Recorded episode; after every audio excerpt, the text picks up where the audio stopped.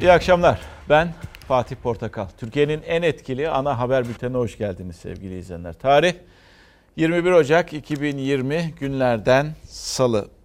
Biliyorsunuz en kötü durum belki de insanoğlunun yaşayabileceği karar verememe durumudur. Yani iki arada bir derede kalma. Bugünkü tabelamız bir karar versem dedik bir karar versem neden bir karar versem diye söyledik. Ha, orada dikkat ederseniz reisi yok onu da söyleyeyim. Onu çünkü dil bilgisine göre unutmuşsunuz diyorsunuz harf orada eksik kalmış. Onu bilerek yani böyle söylüyoruz yani konuşurken bir karar versem diye konuştuğumuz gibi yazdık. Kararsızlık, kararsızlık durumu kötü bir durum. İşte bunu da zaten daha ilk haberden anlayacaksınız. Libya diyeceğim sizlere. Libya çok konuşuluyor. Konuşulmaya da devam edecek önümüzdeki günlerde ve anladığımız kadarıyla Dışişleri Bakanı'nın da bugün bir açıklaması var. İlave asker ve silah gönderilmeyecek. Biliyorsunuz Berlin konferansının sonrasında 55 madde ortaya çıkmıştı. 5 saatlik bir toplantıydı ve Hafter tarafı o metinlerin altına imza atmadı. Zaten Cumhurbaşkanı Recep Tayyip Erdoğan da e, imza atmamasını eleştiriyordu. Orada da dile getirdiğini söyledi. Yani söz uçar yazı kalır dedi. Tabi burada bir de şöyle bir durum var. Aslında zapta geçmiş bir kelime var. Ara bulucu kelimesi. Ve e, Cumhurbaşkanı öyle bir cümle kurdu ki aslına bakacak olursanız enteresandı. Ama işte önce biz bu soruyu soruyoruz.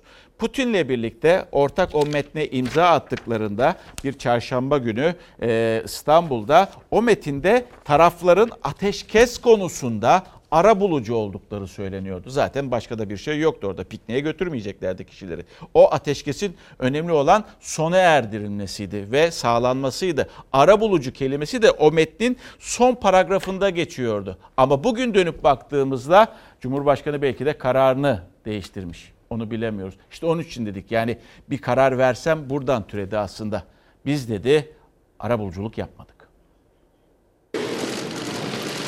Dışarıdan bu lejyonerlerin gelmesi gündeme geldi ve ateşkesin devam ettiği sürece de kimse ilave oraya silah ya da güç göndermez. Hatta tüm katılımcılar buna da riayet edeceklerini söylediler. Libya'ya önce ateşkes sonra siyasi çözüm gelecek mi? Türkiye'nin de yer aldığı Berlin zirvesi dışarıdan askeri desteğin kapısını kapattı ama ateşkes için imzadan kaçan Hafter soru işaretlerini artırdı. Hafter çözüm istiyor mu istemiyor mu? Bugüne kadarki tüm tutumları askeri çözüm istediğini işaret ediyor. Askeri mi diplomatik çözüm mü kalıcı ateşkesi sağlayacak? Libya'da soru işareti. İç siyasette ise CHP ve iktidar arasındaki ara buluculuk bilmecesi bitmek bilmiyor. Meşru hükümetle darbeci arasında ara bulucu olunur mu? Arabulucular olarak Libya'daki tüm taraflara sürdürülebilir bir ateşkes ilan etmek için derhal bir müzakere masasının etrafında bir araya gelme çağrısında bulunuyoruz. Türkiye'ye düşen arabuluculuktur dediğimizde Erdoğan ne yapmıştı? Bize hoplamıştı. Ama aynı şeyi Putin söyleyince tak diye üstüne atlıyor. CHP söyleyince hopluyor. Putin söyleyince üstüne atlıyor. Beş gün içinde iki farklı açıklamaya dikkat çekti CHP. Cumhurbaşkanı Erdoğan'ın cümlesiyle İstanbul'da Putin'le yapılan ateşkes mutabakat metnindeki cümlenin zıttığına. Erdoğan Berlin dönüşü arabuluculuk tanımlamasına yine sert tepki gösterdi. Gerek Moskova gerek Berlin'de olup bitenler ara buluculuk mudur? Siz ara buluculuk mu yapıyorsunuz Hafter'le meşru Libya hükümeti arasında? Burada ara bulucu sıfatıyla bulunmayı kabul edemeyeceğimizi Putin'e de başta söyledim. Sayın Putin ben Hafter tarafını siz de Saraca halledersiniz bu işi çözüme kavuşturalım yaklaşım tarzında. Yoksa ben bu noktada bir teröristle asla masaya oturmam. Masaya oturulmasına da müsaade etmem. Arabuluculuk olur mu kardeşim diye bize bir kükredi. Sonra Putin'le görüşünce kameraların karşısına çıktılar ve dediler biz ara bulucular olarak diyoruz ki diye başladılar. Kendini ara bulucu ilan etti. Şimdi yeniden ben bunlar ara buluculuk etmem ettirmem diye efelenip duruyor. Bekleyeceğiz artık Putin'le bir telefon görüşmesi yapmasını bekleyeceğiz. İktidar CHP hattında bir başka polemikse dış politikada atılan adımlar. CHP Rusya'ya bağımlıyız dış politikayı Putin yönetiyor demişti. Yanıt gecikmedi. Türkiye'nin dış politikasını kim belirliyor? Açık ve net Putin belirliyor. Kim yönlendiriyor? Putin yönlendiriyor. Tam tersine e, Türkiye Rusya ile olan bu ilişkileri giderek çok daha karmaşık hale gelen bu bölge denkleminin içerisinde daha bağımsız bir ülke olma adımlarını atıyor. Hep diyoruz ya Suriye'yi de çok konuşacağız, Libya'yı da çok konuşacağız. Tabii e, dış dünyadan en önemli madde bu. Libya maddesi bu arada e, Dışişleri Bakanı Davos'ta. Davos zirvesi başlıyor Mevlüt Çavuşoğlu. E, Maliye, Hazine ve Maliye Bakanı Berat Albayrak da oraya gidecek e, Davos'a e, ve Türkiye'yi onlar te- e, temsil edecekler. Şimdi gelelim e, Türkiye'ye neler olup bittiğine bakacağız. Aslında bugün biraz sakin bir gün diğer günlere göre. Çünkü e, Sayın Cumhurbaşkanı görünmedi. E, İstanbul'da bildiğimiz kadarıyla muhalefet çok fazla görünmedi. Sözcüleri konuştu. Grup toplantıları yoktu Türkiye Büyük Millet Meclisi'nde. Hatta tek bir fotoğraf karesi vardı. O da Erkan Baş Türkiye İşçi Partisi mecliste tek başına e, koltuklarda oturuyor. Tek bir onun fotoğrafı vardı. O da bugün e, sosyal medyada çok konuşulan fotoğraf karelerinden biriydi. Ama tabii ki haberler var. İşte onlardan biri daha. Ve geldik e, biliyorsunuz Cumhurbaşkanı'nın bu sözü e, epey bir konuşuldu. E, neydi bu söz diyecekseniz aslında bu sözün öncesine bir bakmak gerekiyor. Çünkü e, FETÖ'nün siyasi ayağı hep konuşuluyor. FETÖ'nün her türlü ayağına müdahale yapıldı ama siyasi ayakla ilgili bir e, operasyon biz görmedik. Savcıların başlattığı bir operasyon görmedik. Neticede bunu savcılar başlatacak ve mahkemede e, ve mahkeme safahatı da olacak. Ama hiçbir siyasetçi hakkında bildiğimiz, tanıdığımız yani geçmişte onların e, yanında olan, onlarla birlikte fotoğraflar çekilen, onlara güzellemeler yapan hiçbir siyasetçinin e, maalesef hakkında bir soruşturma başladığını duymadık ve yapılmadı zaten. E, Devlet Bahçeli, MHP lideri FETÖ'nün siyasi ayağına yönelik ne kadar samimidir onu da tartışma konusu yaparım. Ee, hep ortaya çıkması yönünde cümleleri oluyor.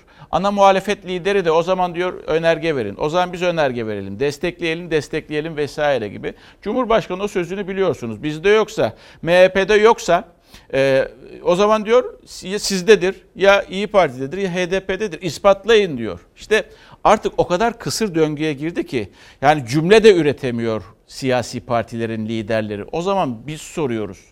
FETÖ biliyoruz. Geçmişten de gördüklerimiz var, yaşadıklarımız var ama bu soruyu soruyoruz siyasetçilere. FETÖ siyasetin neresinde? CHP, AK Parti'de, MHP'de böyle adamlar varsa ispatlamakla mükellef.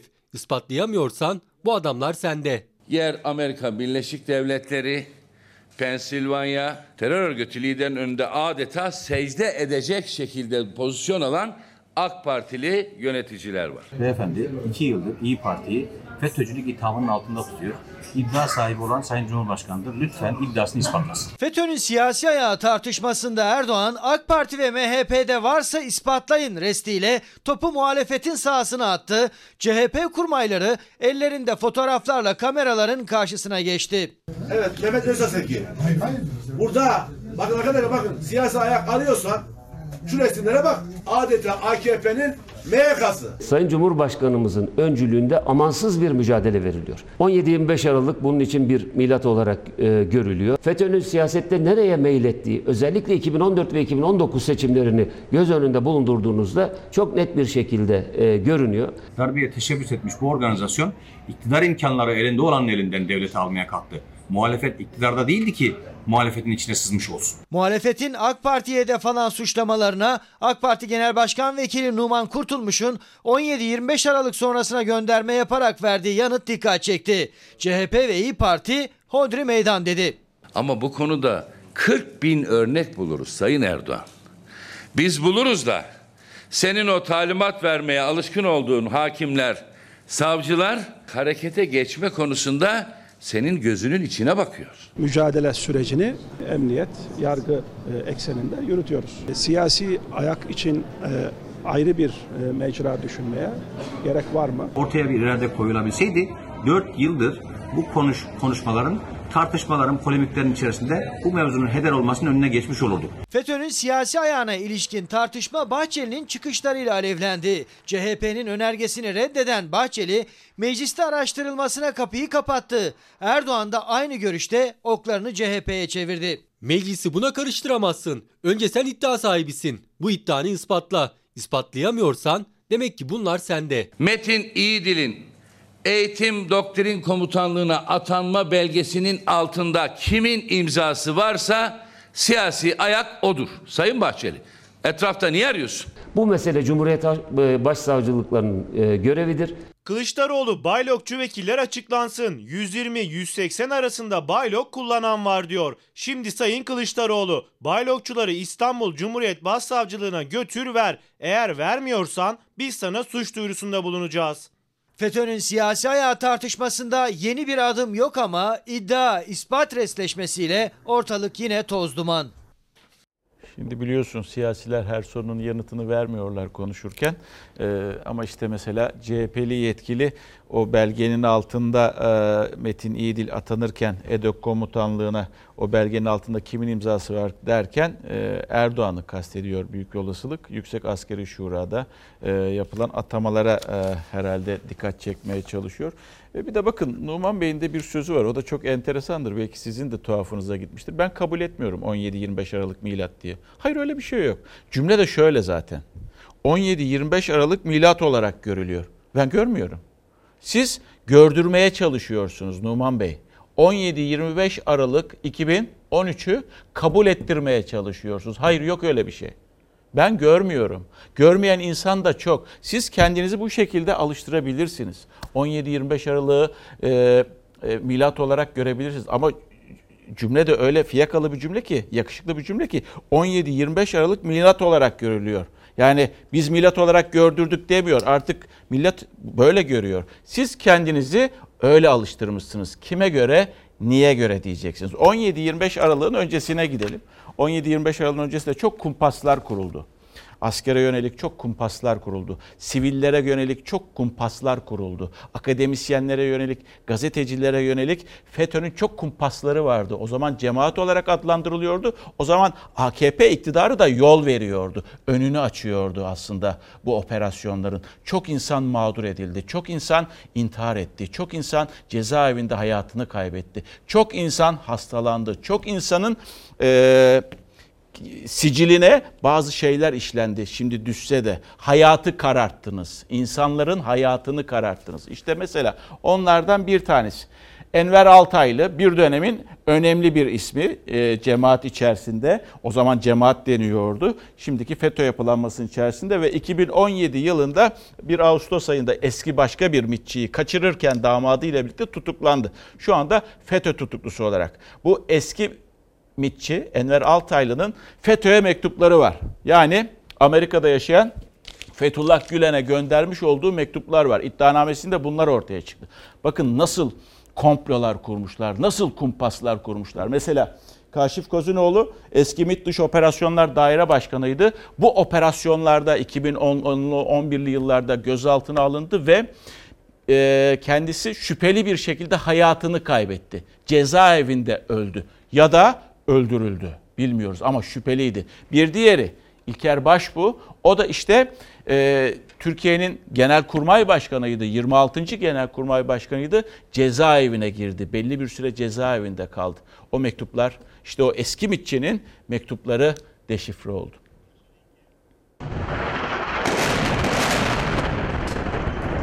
Eski MİT çalışanı Enver Altaylı, casusluk ve FETÖ yöneticiliği suçlamalarından tutuklu. FETÖ elebaşı Fethullah Gülen'e 2008'de yazdığı mektuplar ortaya çıktı. Altaylı mektuplarda hem eski Genelkurmay Başkanı İlker Başbuğ hem de şüpheli bir şekilde yaşamını yitiren eski MİT mensubu Kaşif Kozinoğlu'nu Gülen'e şikayet etti. O şikayetlerden sonra Başbuğ ve Kozinoğlu tutuklandı ve Kozinoğlu şüpheli bir şekilde hayatını kaybetti. 26. Genelkurmay Başkanı terör örgütü kurmak Eski MİT çalışanı Enver Altaylı hakkında hazırlanan iddianamede örgütün kirli yüzünü gözler önüne seren çok önemli bir delil yer aldı. Fethullah Gülen'e gönderilen mektuplar Altaylı'nın bilgisayarında bulundu. Mektupları kaleme alan eski istihbaratçı Gülen'e muhterem efendim diye hitap ediyordu. Hedefinde MİT mensubu Kaşif Kozinoğlu vardı.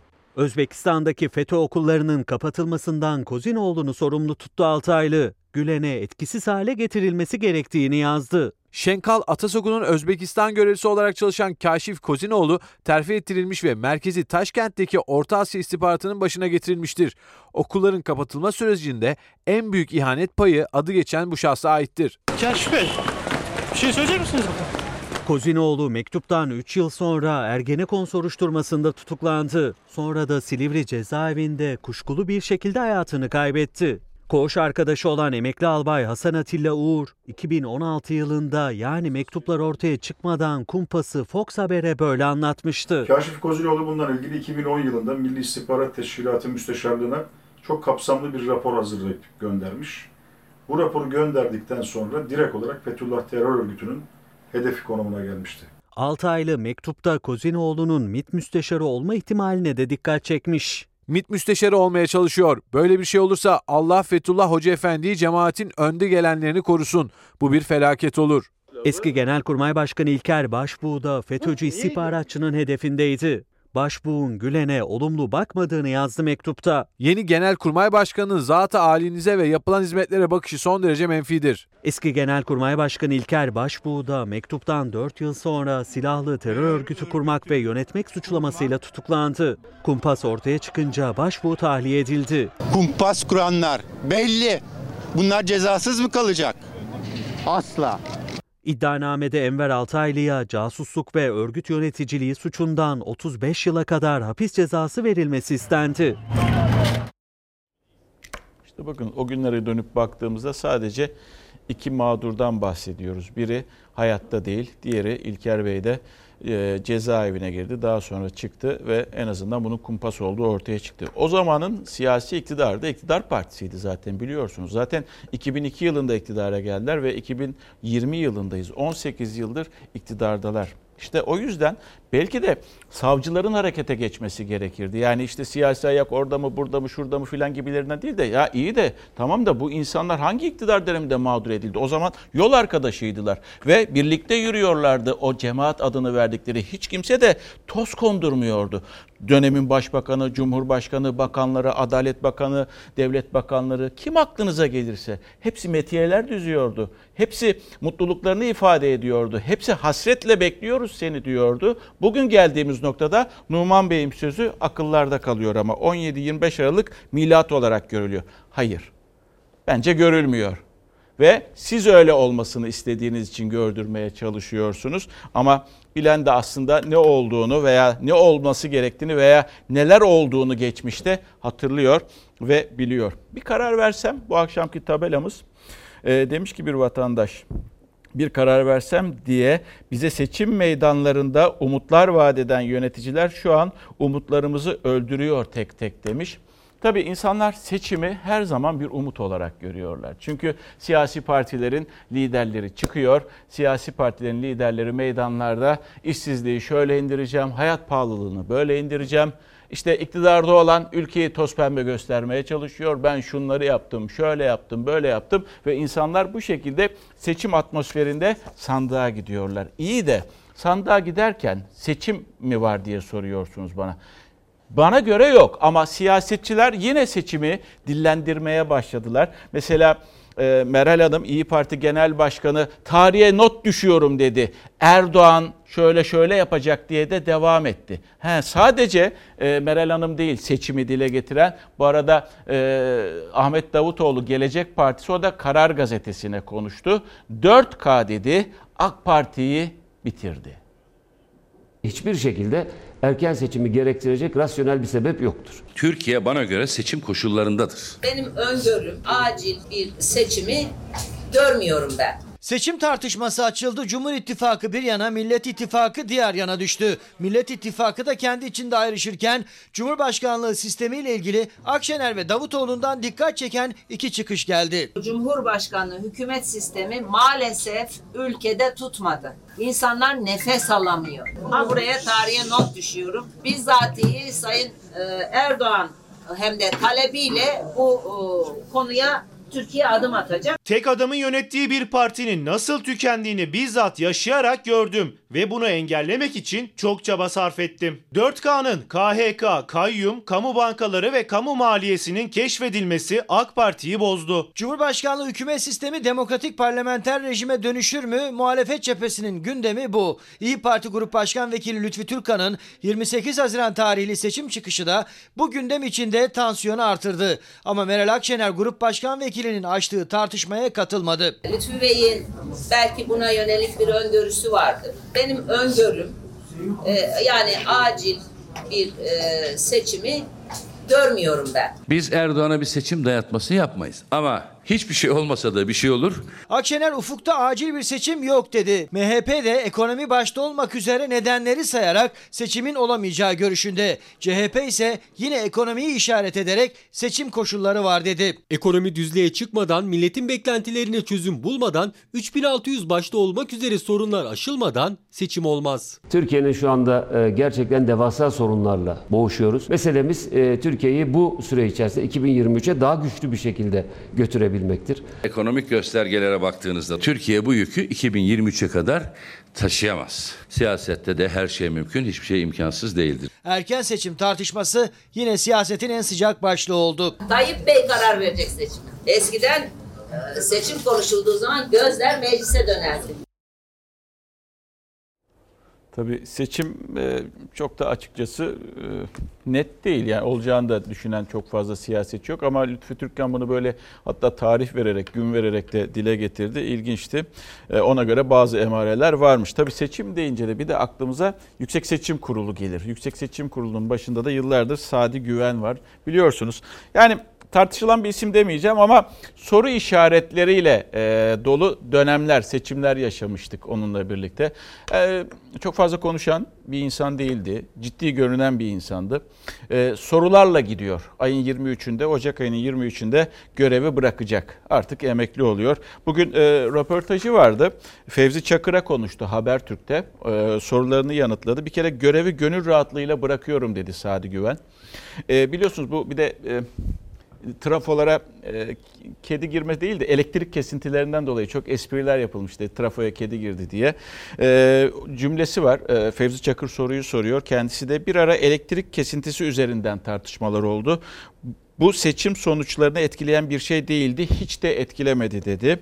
E, diğer ülkelerden her konuda iyiyiz seçim e, konusunda her konuda iyiyiz cümlesini kurdu.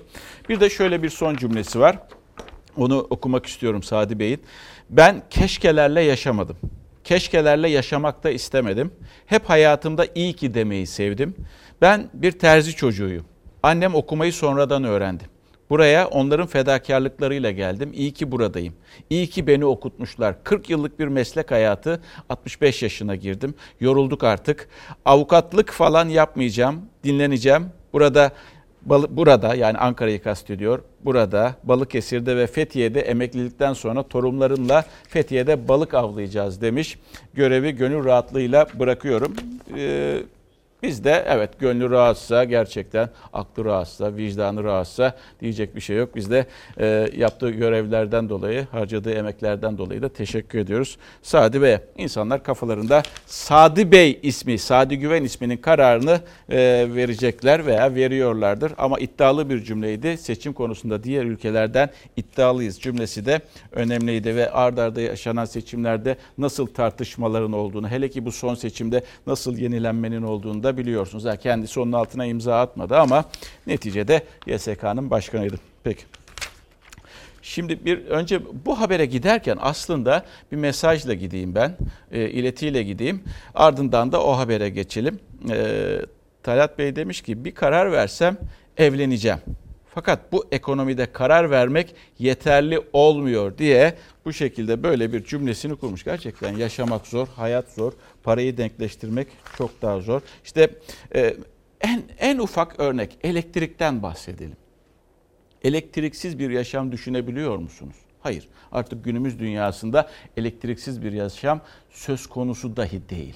İşte faturalar da yüksek geliyor.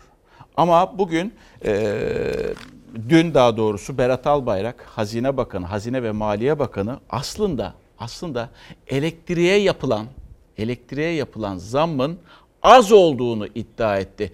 Daha doğrusu girdi maliyetlerimiz çok yüksek. Biz az bile zam yaptık demeye getirdi. Siz ne düşünüyorsunuz? Son bir buçuk yıl içinde elektriğe kaç kez zam yapıldı biliyor musun? Vallahi tahminimce 5-6 kere yapıldı. 130 lira geldi. Bir buçuk sene önce ne kadar geliyordu? 70-80 civarı. Çok mu elektrik tüketiyorsunuz? Hayır. Tüketim aynı. Aile aynı. Her şey aynı.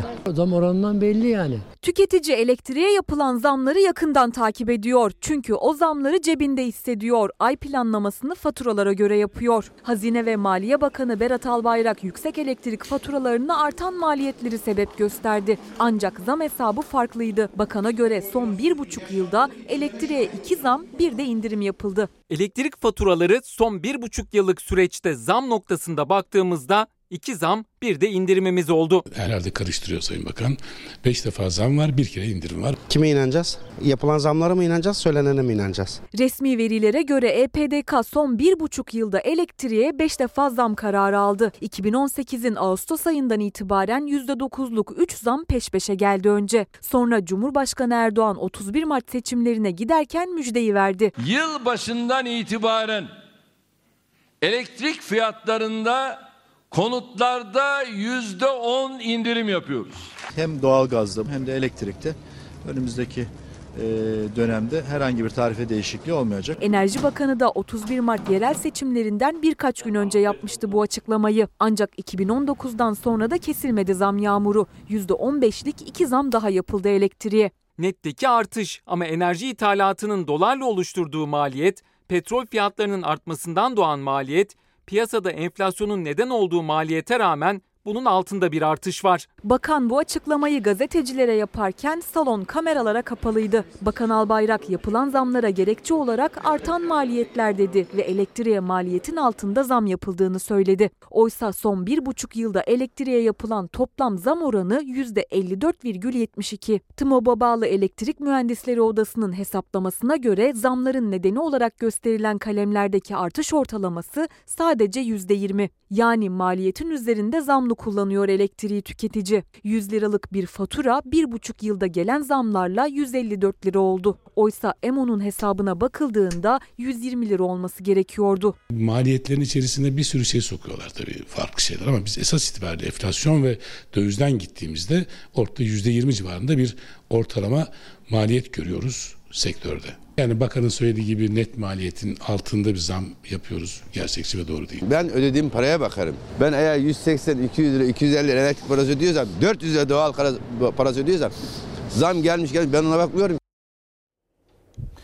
Berat Bey e, ekonomi gazetecileriyle, ekonomistlerle bir araya geldiğinde e, Kanal İstanbul konusuyla da ilgili Kanal İstanbul'u saatlerce anlatabilirim dedi. İşte e, yani e, iktidarda konuşan e, Kanal İstanbul hakkında konuşan bir diğer isimdi. Saatlerce Kanal İstanbul'un faydalarını anlatabilirim dedi.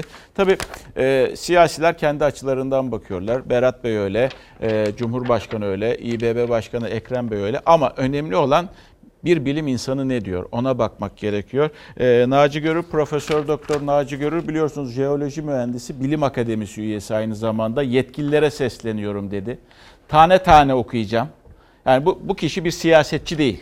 Hiçbir menfaati yok, hiçbir koltuk hevesi yok, hiçbir seçilip seçilmeme derdi de yok. Sadece e, e, vatandaşı, yurttaşı uyarmaya çalışıyor. Ha, yetkililere sesleniyorum diye de e, sesleniyor. Şöyle diyor e, Profesör Doktor Naci Görür. Kanal İstanbul'un küçük çekmece, biraz daha küçük çekmeceyi görebilir miyiz acaba? Ha, biraz daha küçük çekmeceyi görelim. Bakın Marmara'ya açılan kısmı. Oradan itibaren lütfen hem dinleyiniz hem de bu şekilde haritayı yorumlayınız. Kanal İstanbul'un küçük çekmece Marmara arası çok riskli. Marmara Denizi arası çok riskli. Buradaki kıta sahanlığı çekmece gölleri açıklarında çok faylı. Bu fayların bazılarının canlı olma olasılığı çok fazla. Bunlar çok sığ da değiller. Bazı kesitlerde 4-5 kilometre derinlikteler. Eldeki sismik kesitlerden tam olarak değerlendirilemiyor. Denizdeki bu fayların Çatalca fay zonu ve Çekmece gölleri etrafındaki heyelan sistemlerin kökleriyle de ilişkileri olabilir.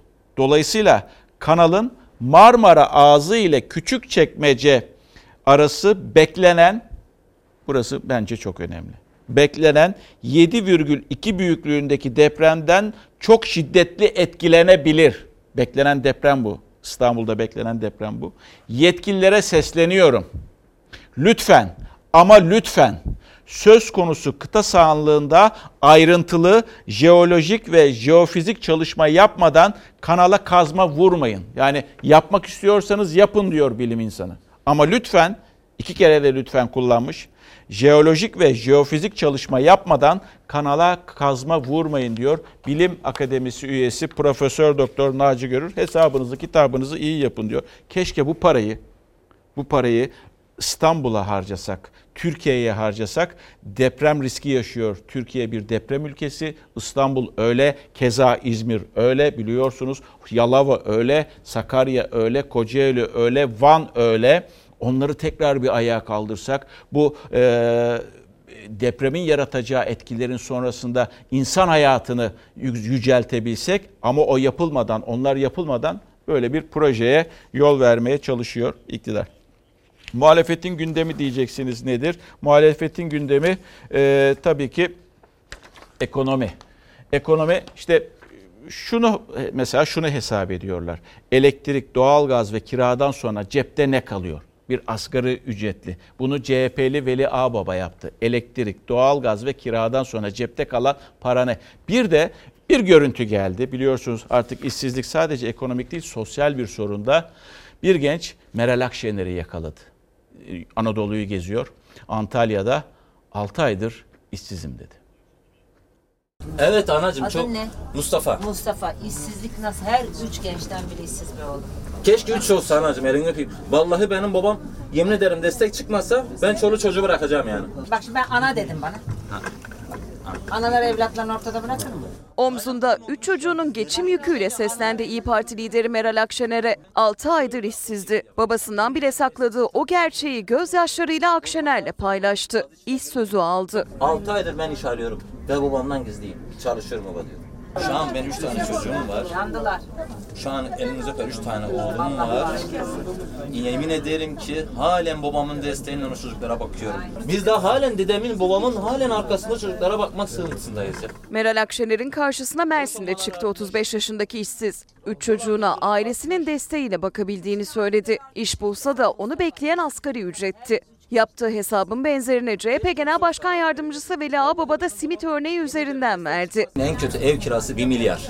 Bugün elektrikti, suydu, doğalgazdı 700 lira. Geri kalan ben 400 liradan 900 liradan ne yapacağım?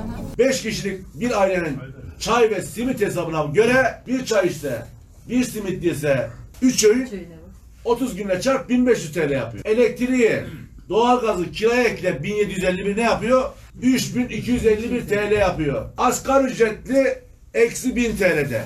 İşçi emeklisi eksi 2000 TL'de. Tüneldeki ışık her geçen gün sonundaki ışık daha da büyümeye başladı. Malatya'da konuşan CHP'li Ağbaba yaklaşık 9 milyon kişinin tünelin sonundaki ışıktan çok uzak olduğunu rakamlarla anlattı. Türkiye'de kişi başı aylık geliri 673'den altında olan kişi sayısı 8 milyon 647 bin. Türkiye'de mesele yoksulluk, mesele açlık, mesele işsizlik.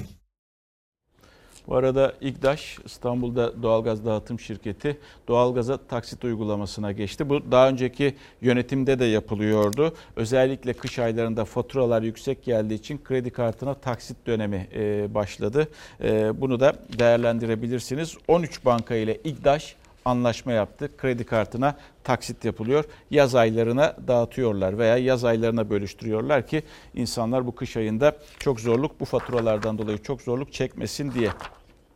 Taşeron bundan yine bir süre öncesine kadar belki iki sene öncesine kadar çok konuştuğumuz konular arasındaydı ve kamuda taşeronlardan bahsediyorduk. O kamuda taşeronlar da aslında e, kamuda kamuya geçmek istiyorlardı. Yani bu emek sömürüsü olan taşeron sistemin kaldırılmasını istiyorlardı. İktidar da bu yönde bir adım attı ve taşeron işçilerin kamudaki taşeron işçileri e, kadroya almaları sağlandı. Meğer bakın örnekleriyle, dilekçeleriyle ve sesleriyle, haykırışlarıyla duyacaksınız. Meğer taşeron sistem hala sürüyor.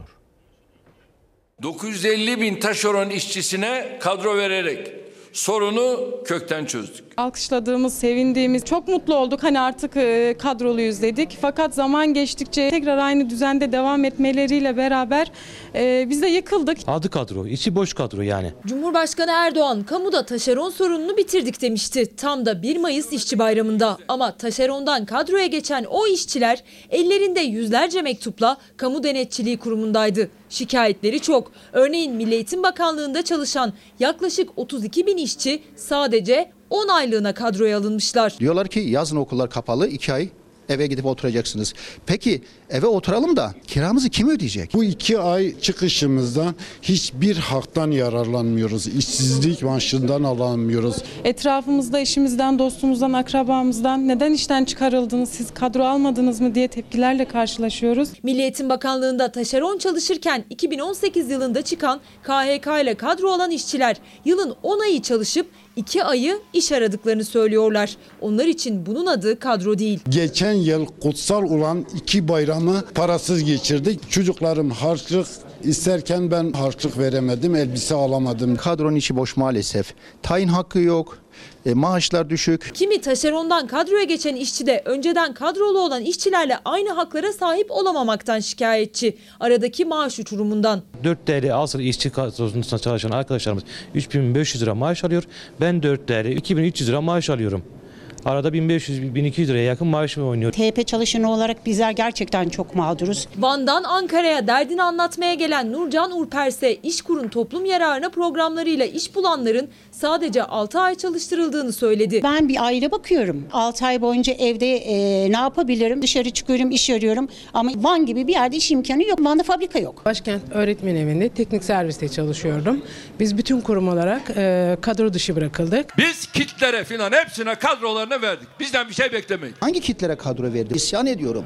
Ben insanım insan. Türkiye'nin dört bir yanından gelen kamu işçileri taşeron sorunu devam ediyor dedi. Kamu Denetçiliği Kurumu'nun kapısını çaldı. Gelemeyen yüzlerce işçi ise mektuplarla derdini anlattı. Ombudsman Şeref Malkoç işçilerin sorunlarını meclise ileteceğine söz verdi. Şimdi bir umut siyasilerin atacağı adımları takip ediyorlar.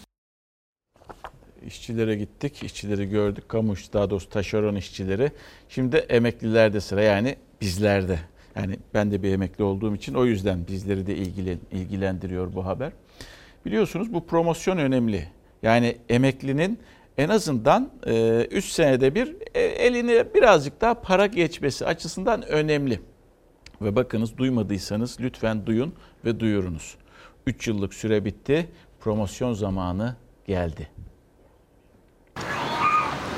Ne kadar olsun promosyon? Promosyonumuz 1 milyon olsun. Biz de eller gibi yiyek, içek, gezek, dolaşak kardeşim. Emeklilere banka promosyonu uygulamasında 3 yıl geride kaldı. Enflasyon yükseldi, faturalar zam üstüne zam gördü. Ocak ayında maaşlarına yapılan zamdan da umduğunu bulamayan emekli biraz olsun borcunu kapatmak için maaşını aldığı bankadan verilecek promosyonu beklemeye başladı. 1000 liraya geçmeli. Şimdi ben maaşımı aldım. Dağıtacağım, dağıtacağım, dağıtacağım. 17 lira para kalıyor. Emekliler zamlı maaşlarını almaya başladı ancak farklar çok düşük olduğu için elde avuçta yine bir şey kalmadı. Şimdi nefeslerini tuttular, gözlerini kulaklarını Şubat'ta yapılacak promosyon görüşmelerine çevirdiler. 100 lira zam vermişler. Promosyon ne kadar olsun?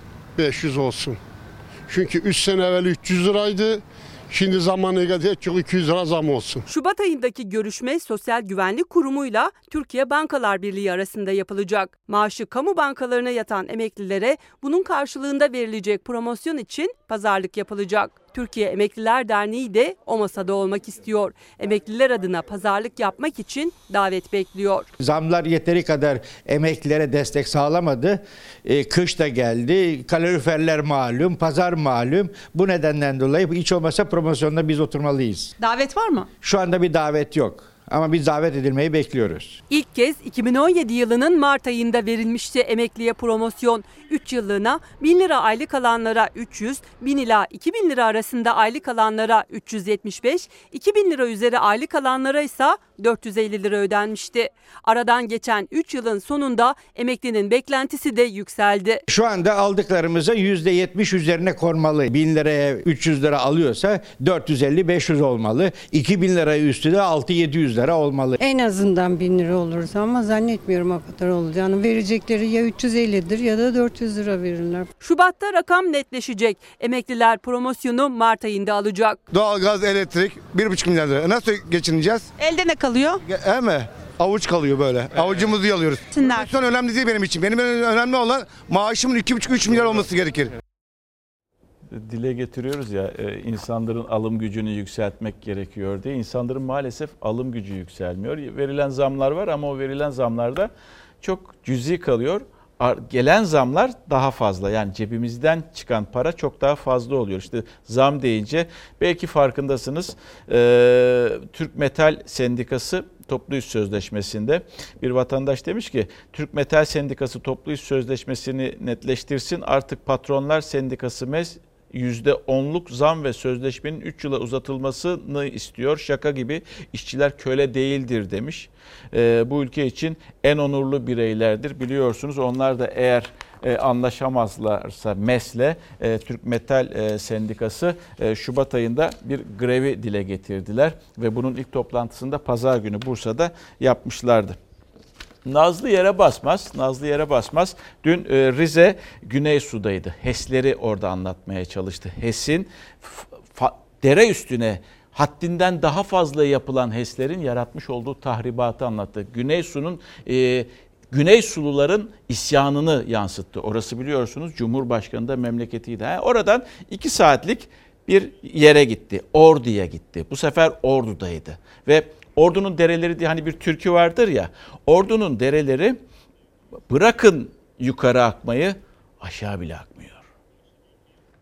Ordunun dereleri aksa yukarı aksa vermem seni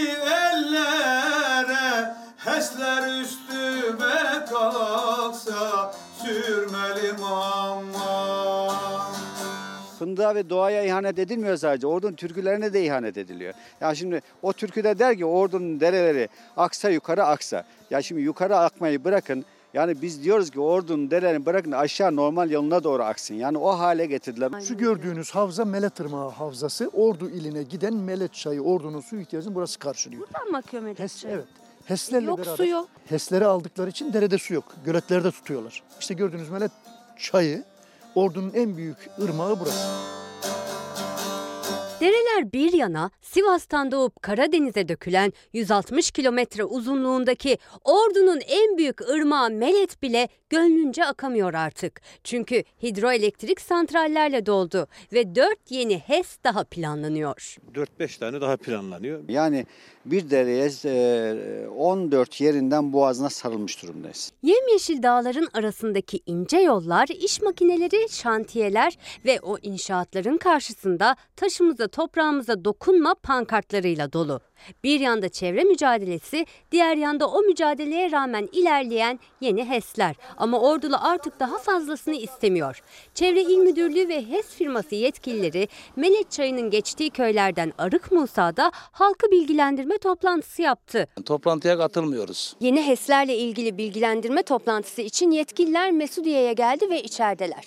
Bölge halkı ise dışarıda. İçeriye girmeyi reddediyor çünkü yeni HES istemiyorlar. HES'e karşıyım. İstanbul'dan bunun için geldim. İstanbul'dan geldiniz, evet, ama kapıda toplantıya durdunuz. karışmıyoruz. Karışmayacağız. Tepkinizi Çünkü göstermek biz, için. biz HES'i istemiyoruz. Hep çamlarımız kuruyor, ahlatlarımız var, meyvelerimiz kuruyor. Halk toplantıya girmeyince halk toplantıya girmedi diye tutanak tutuldu. Yetkililer gitti ama HES'i daha önceden defalarca tecrübe etti ordulu ve süreç bitmiş, korkuları geçmiş değil. Çünkü yapılanların zararını gördük. Daha önce destek verenler de şu an pişman zaten. E, Mesudiye Bayırköy'denim. Bayırköy'de HES kurulu durumda. Biz HES'in e, çevreye ne kadar zarar verdiğini gördük. Komşu köylerimiz İnalan ve Ortalan'da içme suyu kalmadı.